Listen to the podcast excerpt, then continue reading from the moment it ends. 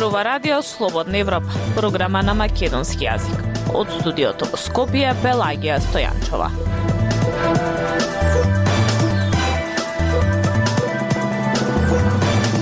Ја слушате емисијата на Радио Слободна Европа, почитувани. Во не објавуваме. Цената на енергенците ќе се стабилизира, но нема да се врати на старо. Дигитализација во образованието. Турниме да кинисам. Пандемијата силно удри по менталното здравие на учениците. Слушајте не.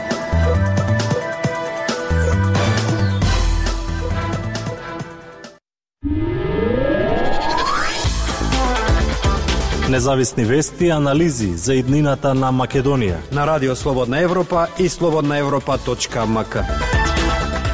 Во првата половина од годинава се очекува стабилизирање на цените на енергенците на глобалниот пазар, но не треба да имаме илузија дека стабилизирањето ќе значи враќање на предходните нивоа, вели професор Маријан Петрески во интервју за Радио Слободна Европа. Тоа само ќе значи дека ќе се запре наглото поскапување. Разговараме и за очекувањата на економски план и за најавите за повисока минимална плата. Професоре Петрески, каква година ни престои на економски план? Целата 2022 не очекувам дека ќе биде а, особено различно од 2021. Се разбира, не очекувам дека ќе биде нешто а, значајно полоша, напротив, тенденцијата е закрепнувањето да продолжи и потенцијално да а, да забрза доколку а, пандемијата попушти и доколку видиме еден а, подтик да кажам, на структурните реформи од новата влада која што не очекува веќе во јануари. Која можеме да очекуваме стабилизирање на, на цените енергенсите? Тие ќе бидат сериозен удар за граѓаните оваа зима. Очекувам дека на глобалниот пазар ќе направи стабилизирање на цените на енергенците.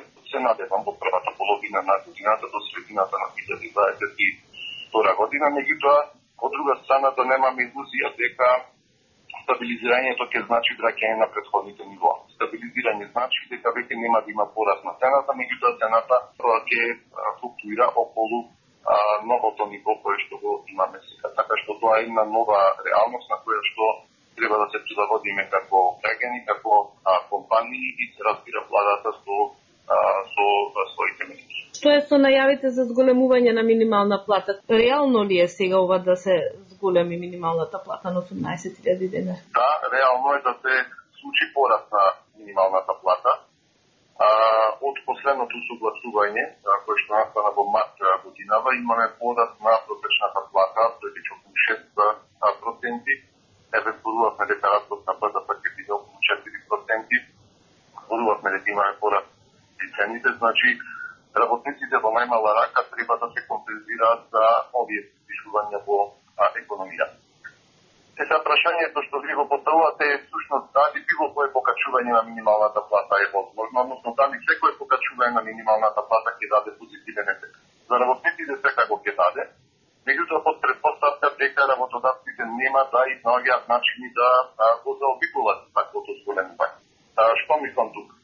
Значи, ние често се фокусираме само на ефектот од порастот на минималната плата без формалната економија. И таму нема дилема дека порастот дури на 18.000 денари веројатно нема да влијае врз работните места. Меѓутоа, да имаме предвид дека околу 17% од работниците во земјава се неформални, односно немаат писмен договор за работување, а на терен многу се добро познати пракси на плаќање така наречена плата во клико и обратниот феномен барање дел од исплатената плата да се врати во готови. Значи, во таа се необходни внимателни чекови за да моделот на минималната плата, за да не се предизвика деформализација на вработувањата и на исплатите на некои од овие начини кои што ги спомнав. Радио Слободна Европа, светот на Македонија. Дигитализацијата на образованието почна неспремно и не ги даде посакуваните резултати. Четврто деленците го завршија првото полугодие со дигитални учебници, но најголем дел од родителите им отпечатија и хартиена верзија и покрај предупредувањата на Министерката за образование Мила Царовска. Родителите и наставниците со кои разговаравме на реформата и даваат оценка добар 3. Прилог на Фросина Димеска. Четири месеци четврто оддаленците во земја во учат од дигитални учебници, реформа која ја спроведе Мила Царовска како министерка за образование. По најавата дека учебниците ќе се дигитализираат, ведно следува негодување од родители организирани во Facebook групата Учебници и настава мора да има. Ваквата атмосфера на негодување придонесе реформата да почне да се спроведува во услови на протести против неа. Јана е мајка чие дете е ученик во четврто деление во Скопско основно училиште. Таа не одела на протестите, ниту ги поддржувала, оти смета дека нема ништо страшно во дигитализацијата на учебниците.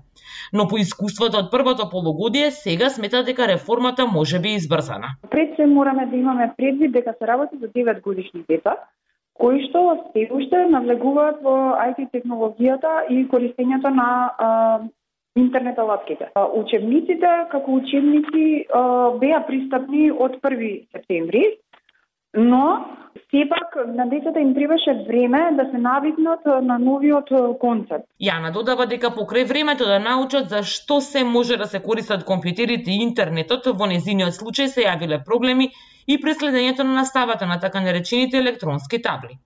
Па така во условиот кои пред учениците нема дигитален уред со материјалите кои им се предаваат, следењето само на електронска табла оделе тешко. Затоа Јана е една од оние родители кои покрај предупредувањето од Царовска ги отпечати дигиталните учебници. Ние се уште им даваме книги и лектири да се навлезат во светот на науката, па потоа ќе ги осамостоиме за автоматизацијата.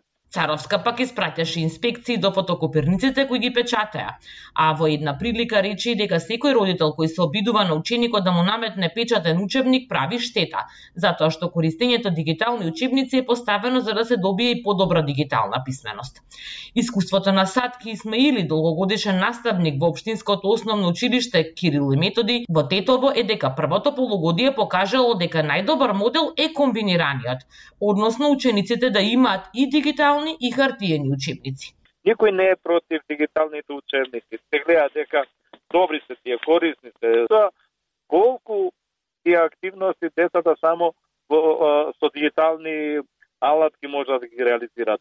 Време, значи, ова, значи, како проба да кажеме, ова полугодие што ни дава малку а, а, нас, возрастните, да си мислиме поубаво дека треба да се одвеат средства и за учебници штампани. Вели или. Сега реформата е спроведена, Радио Слободна Европа ја праша и мајката на четврто деленецот и наставникот која е оценката што ја даваат на процесот. И двајцата одговорија идентично. Солидна тројка. Па сега тешко е некојаш оценка без параметри и индикатори да се дадат, меѓутоа по моје лично мислење значи о тројка. Рекоа Јана и професорот Исмеили. Слободна Европа Следете на на Facebook, Twitter и YouTube. Анксиозност, панични напади, проблеми со спиење се само дел од последиците со кои се соочуваат голем број млади во втората година од пандемијата. Голем број од учениците имаат проблеми со концентрацијата. Иако стигмата за менталното здравје се уште постои, работата на училишните психолози е зголемена. Јасмина Јакимова ја слушаме во продолжение. Почетокот на училишната година со физичко присуство. По една и пол година настава од дома. Донесе нови предизвици за Марија Младиновска Димитровска, психолог во средното училиште Таки Даскала од Битола. Пандемијата, карантините и изолацијата оставија белек врз менталното здравје кај децата, забележува таа. Најалармантно во моментот се ми се чини паничните напади, анксиозноста поради пандемијата меѓутоа доаѓаат и ради проблеми со учењето и концентрацијата. Значи голем дел од децата велат дека јако учат, не можат да учат. И Александра Филипова од Националниот младенски совет на Македонија забележува дека менталното здравје кај младите е сериозен проблем. Дека имаат потреба од помош покажал интересот за советувањата кои тие ги понудиле во текот на пандемијата. Самото тоа што живееме во потрадиционално општество влија на тоа менталното здраве да е табу треба да се поработи и на нови сервиси и услуги, кои што би биле секојаш бесплатни за младите, за да се осеќаат дека може да се ги дозволат Последната национална стратегија за унапредување на менталното здравје беше донесена пред пандемијата за периодот 2018-2025 година. Сепак и во неа се нотира проблемот до пристап за сервиси за младите. Затоа се предвиде отворање на 6 центри за ментално здравје за млади, Одолжувањето на нивното отворање. Стојан Бајрактаров, директор на Универзитетската клиника за психијатрија во Скопје, го правда со недостигот на кадри за работа во нив. како секоја друга сфера не е да отвори само институција, него најбитно таа институција според мене е човечкиот потенцијал или професионална структура. За таа цел отвориле нова специализација и субспециализација за детска и адолесцентна психијатрија. Вели дека сега излегуваат првите кадри, па се надева дека процесот набрзо ќе се откочи. Дел од младите и сами се екипира за да добијат и дадат помош. Годинава многу работа имаше советувалиштето за студенти од медицинскиот факултет, во кое волонтира Милка Мукаетова. Периодот на пандемијата го исполнила со куп волонтерски активности. Смета дека тоа ја спасило да го зачува собственото ментално здравје и да биде од корист на заедницата. И во документот Млади во криза 2.0, издаден во март минатата година, е нотирано дека пандемијата предизвика големи проблеми врз менталното здравје на младите. Како можни решенија се посочуваат подобрување и поголема достапност на психолошката поддршка од страна на стручните служби во училиштата, како и обезбедување СОС телефонски линии на национално ниво. Актуелности свет на Радио Слободна Европа. Европската унија не прави ништо и со тој дозволува на Бугарија, која секако не е меѓу најмокните членки, да го спречи официјално Скопје да преговара со Брисел. Ова во интервју за Радио Слободна Европа го вели Едвард Джозеф, предавач на Универзитетот Џон Хопкинс во Вашингтон. Деталите ги пренесува Гоце Атанасов. На прашањето дали постои замор од проширувањето во Европската Унија и оти затоа во овој вакуум се појавуваат алтернативни иницијативи, Едвард Джозеф вели Заморот од проширувањето е голем проблем затоа што тоа е подарок за српскиот председател Александар Вучич, кој на гласачите може да им го представи како несериозност и незаинтересираност на европските партнери. Да укаже, на пример, на Северна Македонија, која е блокирана од Бугарија на патот кон Европската Унија. Унијата не прави ништо, како и Германија за време на најзиното председавање, со што и дозволува на Бугарија, која секако не е меѓу најмокните членки, да го спречи официјално Скопје да преговара со Борисел. Вучич може да каже дека Северна Македонија дури го смени името за да го деблокира патот за евроатлантска интеграција. Официјална Софија сега го кочи.